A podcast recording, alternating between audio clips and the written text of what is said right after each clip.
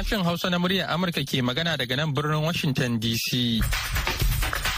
Masu sauraro Assalamu alaikum barkanmu da wannan lokaci. Muhammad Hafiz Baballa ne tare da sauran abokanan aiki. Muke barin cikin kawo muku wannan shirin da wannan safiya ta Asabar. Bayan labaran duniya za mu kawo muku shirin a bari ya huce. Amma kafin nan ga labaran duniya.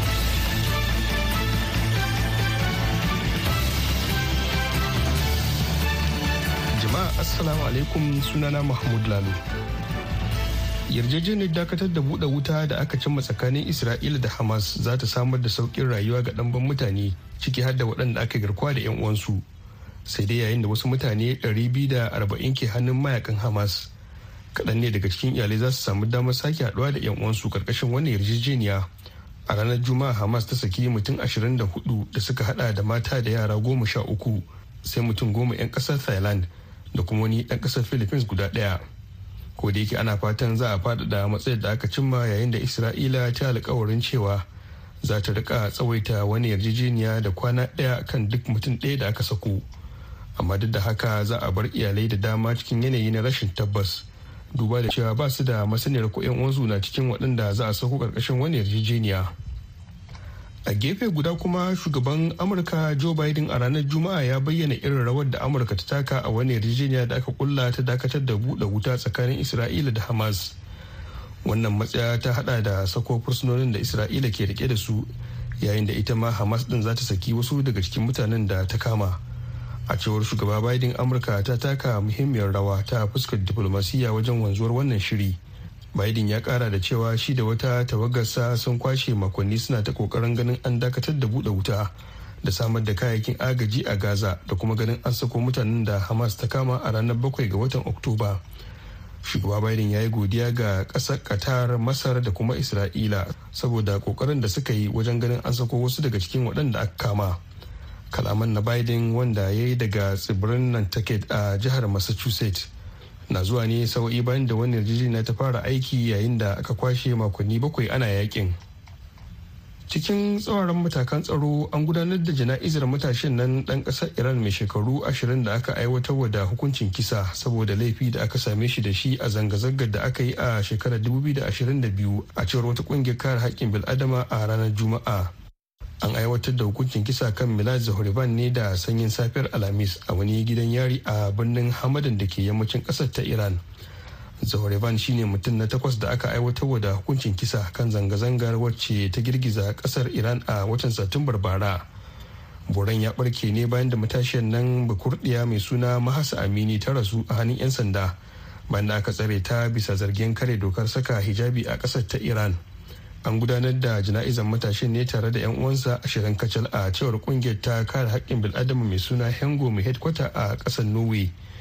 An yanke wa matashin hukuncin kisa ne saboda hannu da aka same shi da shi a mutuwar wani sojan juyin jihalin ƙasar ta iran a lokacin wata zanga-zanga a garin malaya a watan nuwambar bara.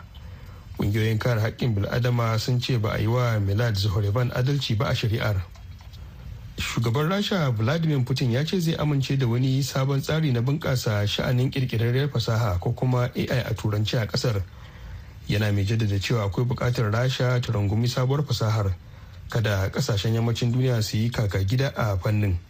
Putin ya bayyana hakan ne a moscow a ranar juma'a inda ya ce akwai buƙatar rasha ta riƙa amfani da irin nata hanyoyin samar da maslaha ta hanyar amfani da fasaha ta ai ta yadda jama'a ba za su cutu ba. Ya kara da cewa rasha ba za ta lamunci a mallake wannan bakwar fasaha ba. Yana mai cewa barin hakan zai haifar da mummunar illa. A cewar putin irin zubin fasaha ta ai a ƙasashen yammacin duniya suna nuni ne da irin tsarin rayuwarsu da halayyarsu da rasha ke adawa da su. Ya kuma gargaɗi cewa fasahohin da ƙasashen yammacin duniya ke kirkira ka iya shafe duk wani fannin ayyukan yanar gizon rasha da al'adunta idan suka naɗa hannu suna kallo.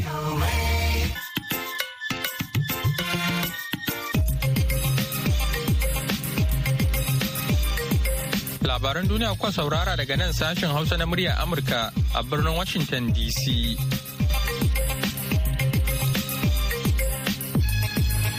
Yanzu kuma sai a gyara zama domin jin shirinmu na gaba.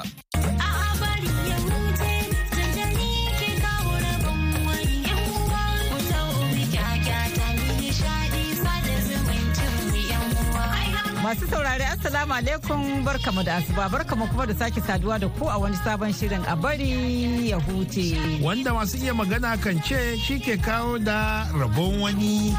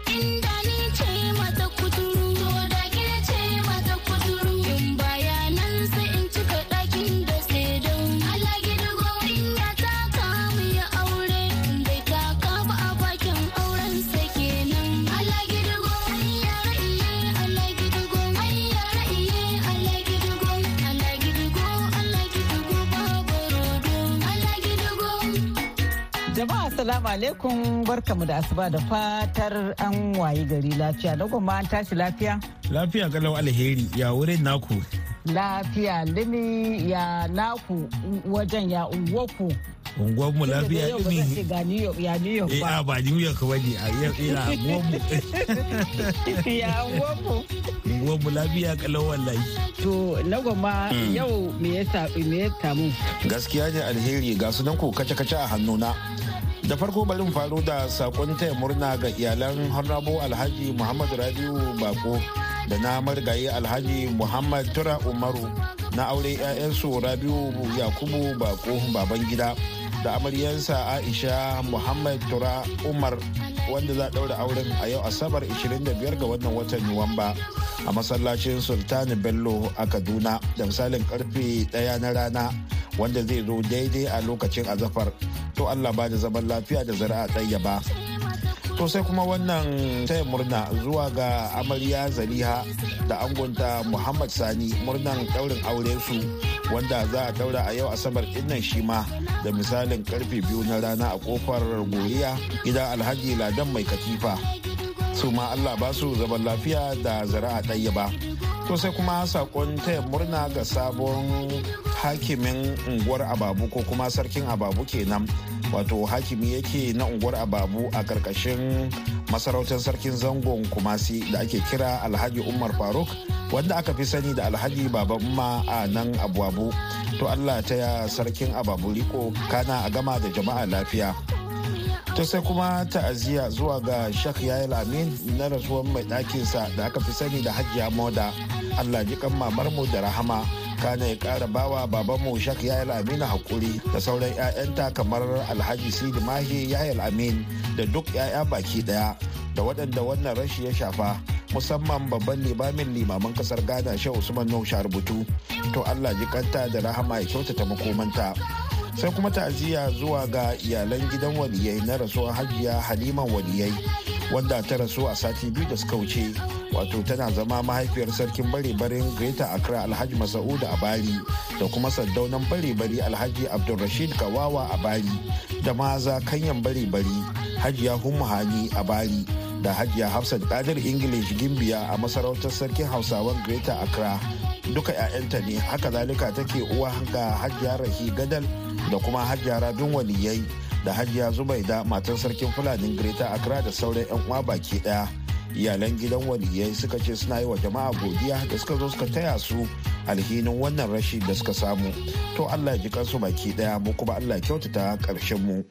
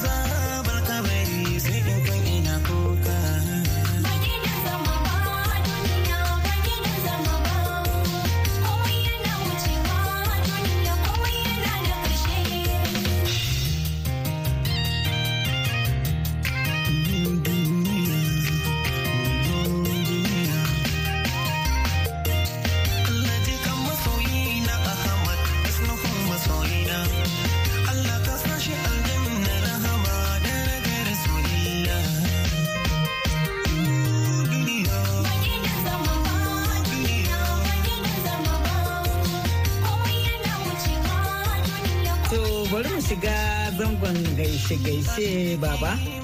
Bari mu mika gaisuwar fata alheri da sada zumunci gaisuwa a bar ya huce zuwa ga uwar gida Madam Mary ezekiel yusuf godi a bundodas bauchi. Sai honorable lami nuhu barde da yaranta duka a bundodas. Sai kuma anci agware baiko tare da yaranta suleiman da matarsa febo baiko da 'yan uwansu duka. Sai kuma muna miƙa gaiso ta alheri da murna haihuwa zuwa ga malama da rabi suleiman auta a jos Allah ya kara shekaru masu albarka da cikakkiyar lafiya. Sai gaisuwa bar ya huce zuwa ga Hajiya Khadija Hayatu Sanusi a asibitin koyarwa na ATBU garin Bauchi da mai gidanta da yaransu duka. Gaisuwa bar ya huce zuwa ga Haruna Abdullahi na Special School Management Board Bauchi da uwar gidansa Sa'ade da 'yan uwansu duka a garin Alhajere na jihar yobe. Allah ya sa alhajerin nan haka ne. Gaisuwa fata alheri zuwa ga zuriyar marigayi alhaji waziri sanusi baban dodo a zaria city jihar kaduna.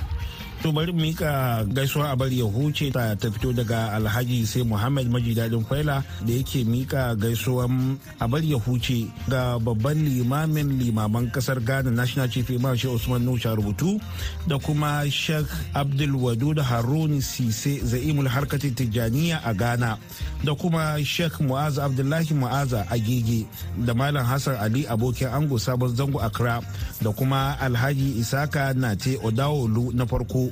Wato akwashonce sarkin musulmi na masarautar simfe a accra da muntari ire sabon zango accra da abdulrashid haruna sharubutu da aka fi sani da babban mutum a unguwar shukura accra. Sai kuma na'ibin unguwar shukura malam aliyu abidina da malam aminu mai kankan da malam katibin sirri a kumasi da kuma malam sha'abu sisi a kumasi sai kuma malam jargesu da malam ali duk a agege da fatan sun tashi lafiya. To sai kuma gaisuwa da ta fito daga aliko auta kafinta yalwa gindin akwati barikin ladi jihar filato. Ya ce ku isar min da gaisuwa zuwa ga nazifi ibrahim rugar malam jihar sokoto da fatima haddabi mai kwamfuta mai yama da ado salati goma ga annabi rijau da hajo matar garba mai nama barikin ladi da adamu yusuf basa jihar plateau da aisha lawal bin hambali mk dan sulba da usaini dangote karasuwa da kuma ayuba mai sai da katako barikin ladi da alma mai gyaran waya dorawan babuje da malam abu na'ibin dorawan babuje da kuma usaini mai walda dorawan babuje da bashir tela lafiyan bari-bari da kuma jeti jikan duna da fatan sun tashi lafiya. To amin sun amin. To na kuma aka ce komi kirkinka ba ka gama kasuwa da gaisuwa. Ko da aka bari mu dire. Bari mu dire da waɗannan gaishe-gaishe da muka samu ta wannan hanyar sadarwa saƙon tafi da gidanka na WhatsApp. Wannan gaisuwa da ta fito daga Ahmadu Manaja Bauchi da ke Bauchi unguwar Karo kuma daki ya ce yana gaida ya mika mishi gaisuwa zuwa ga ma'aikatan sashen hausa na murya amurka baki ɗaya ya ce yana so a mika mishi kuma gaisuwa fata alheri zuwa ga sarkin motan sarkin bauchi alhaji baba shehu lami a unguwar karofin madaki a gidan sarkin yaƙi da mai girma dan juma bauchi alhaji bashir yakubu leme da ke unguwar dan juma goje a garin bauchi. Sai dan ladi kaura na kauran bauchi. Mai sai da naman kaji a tashar das park a garin bauchi. Kasan liko na san tashar das? Allah sarki. Inda kasan ai kasan wannan na gari na biyun da muka fi wayo kenan da bauchi da das ba? To sai uban domin bauchi alhaji nasiru mu'azu da ke garin bauchi a kan titin unguwar bakaro da hajiya lauratu banga da ke unguwar karofi a gidan sarkin yaƙin bauchi. Da jamilu barista na asibitin baram sai comrade alkasim nuhu abdulkadir alkasim yalo da a ƙarshe ce yana gaida sarkin garin langas alhaji abdulrahman yalwa wanda ke garin langas da ke gunduma birci na ƙaramar hukumar bauchi da fatar an tashi lafiya. Za mu dire da wannan gaisuwa ta haɗin gwiwa ta fatima da shamsiya matan haɗabi mai kwamfuta mai yama daga jihar kebin najeriya suka ce ana suna so a mika musu gaisuwar fata alheri zuwa ga haddabi mai kwamfuta mai yama zainab haruna katsina hafsat comrade ilyasu yakubu digawa maimuna aliku auta kafinta yalwa ukashar haddabi mai kwamfuta mai rama usama haddabi uzaifa haddabi umar haddabi suhairat haddabi suka ce da kuma fatan Allah ya ba mu yini lafiya. To da fatan za a wuni lafiya. To sun ko burge ni. Kaga wannan gaisuwa ce ta kallabi. Haka. Gaskiya. Daga kalluba zuwa kalluba an ko kun burge ni. Da ko wannan gaisuwa ta kalluba za mu dire ba ba da fatan an waye gari lafiya.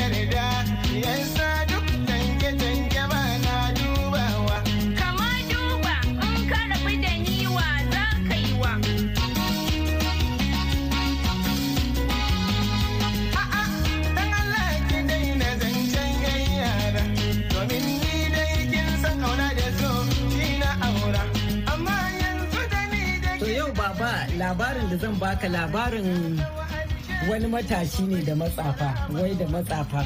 Iko Allah. Ba zan ce da matsafa ba sai dai ce wani matashi ne da a kuskure. Wai abin da ya faru shi ne.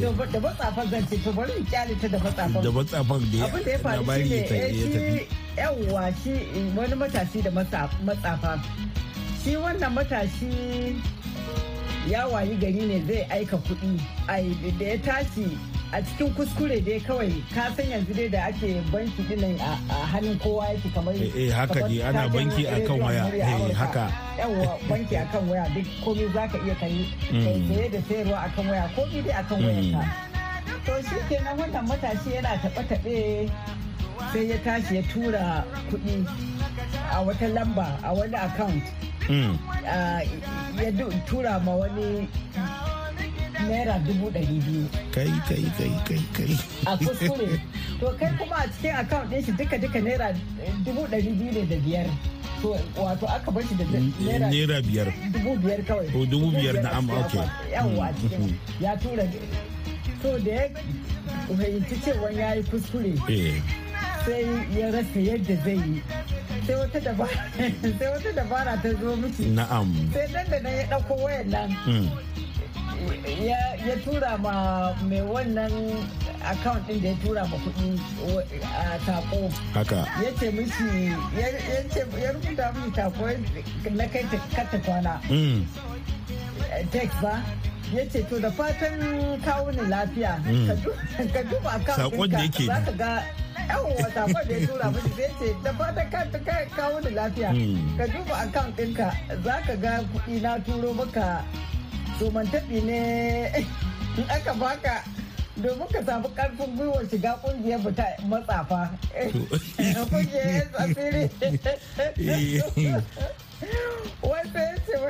wai haka zai baka damar keta hazo cikin dare domin samun damar zagaya duniya.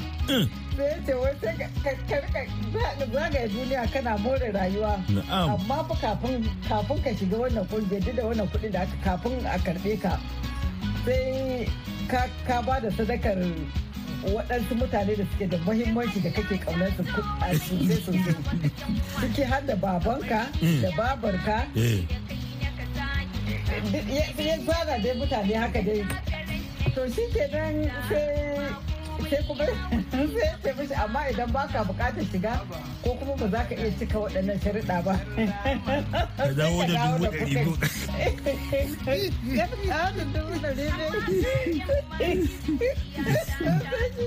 Eh. ina aika an zuba an zuba kaɗan sai ji a cikin wayar shi.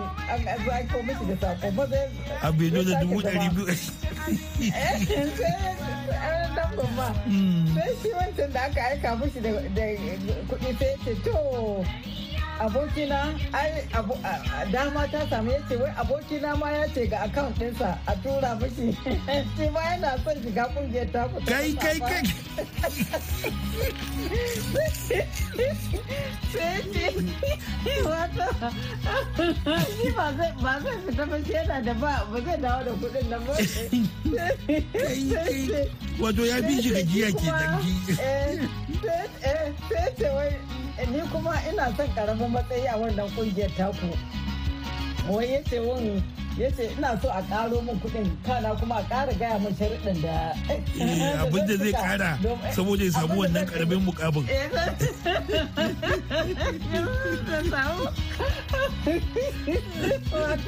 wannan kuɗi dai ba sa dawowa ba. ba eh sai dai haƙuri Boye aka an ci banza. Eh. Da ba ɓoye kai wannan dubu ɗari biyu ya za ka yi.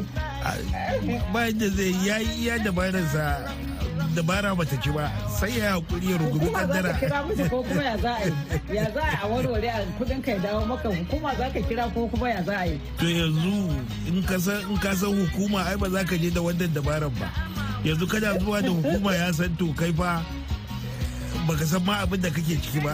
A to ai kila ma baba kila ma ya kuskure kila wannan mutumin iyayen shi ma kila ba su sun riga mu gidan Ba- ba- gaskiya. ba su raye. ba su da rai. Haka. kila ba su da iyayen da ba su da sabon da duk da condition da ya ba shi. Ya ga cewa wannan dan damfara ne shi eh, to bari ya nuna mishi shi ba shi shi shi number one ne shi. Ba yana da lamba a wannan unguwar baba na ga malama juna na daga mana hannun sabili da aka tilasta da burki dan yanzu a madadin baba ya kuma makeri alheri yake muku fata alheri da kuma fata Allah ba mu lafiya da zaman lafiya da abin da lafiya za ta ci da alheri.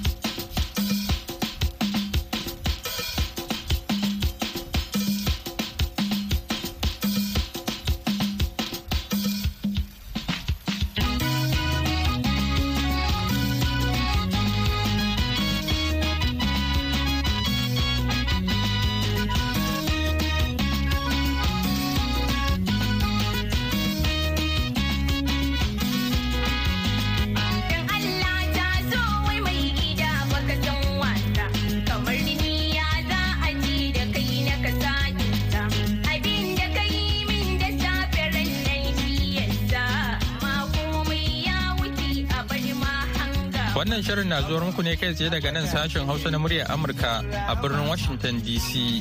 Ga masu sauraron ma jamhuriyar Nijar za ku iya sauraron ma tashar mu ta BOA Africa akan mita 200.5. Baya ga haka a koda yaushe ake so za ku iya zuwa shafukanmu na intanet wato a boahausa.com ko kuma sashen hausa.com ko kuma shafukanmu na sada zumunta Facebook da Twitter domin sauraron shirye-shiryenmu inda za ku kuma iya yin tsokaci da bayyana ra'ayoyi.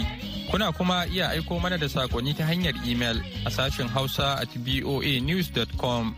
Da haka ne kuma muka kawo ƙarshen shirin namu a wannan lokaci sai kuma da rana ku ji abokanan aikinmu da wani sabon shirin da ya haɗa da adawo lafiya shirin da ke faɗakar da al'umma kan abin da ya shafi harkokin sufuri. Za ku iya samun ƙarin haske kan dukkan rahotannin da muka gabatar har ma da ƙari a shafinmu na intanet boahausa.com da kuma shafinmu na sada zumunta Facebook da kuma Twitter. Yanzu a madadin dukkan waɗanda suka ba da gudunmawa ga nasarar wannan shirin da suka hada da Julie Gresham da ta hada shirin da ba da umarni. Muhammad Hafiz Baballa ke sallama da ku a wuni lafiya.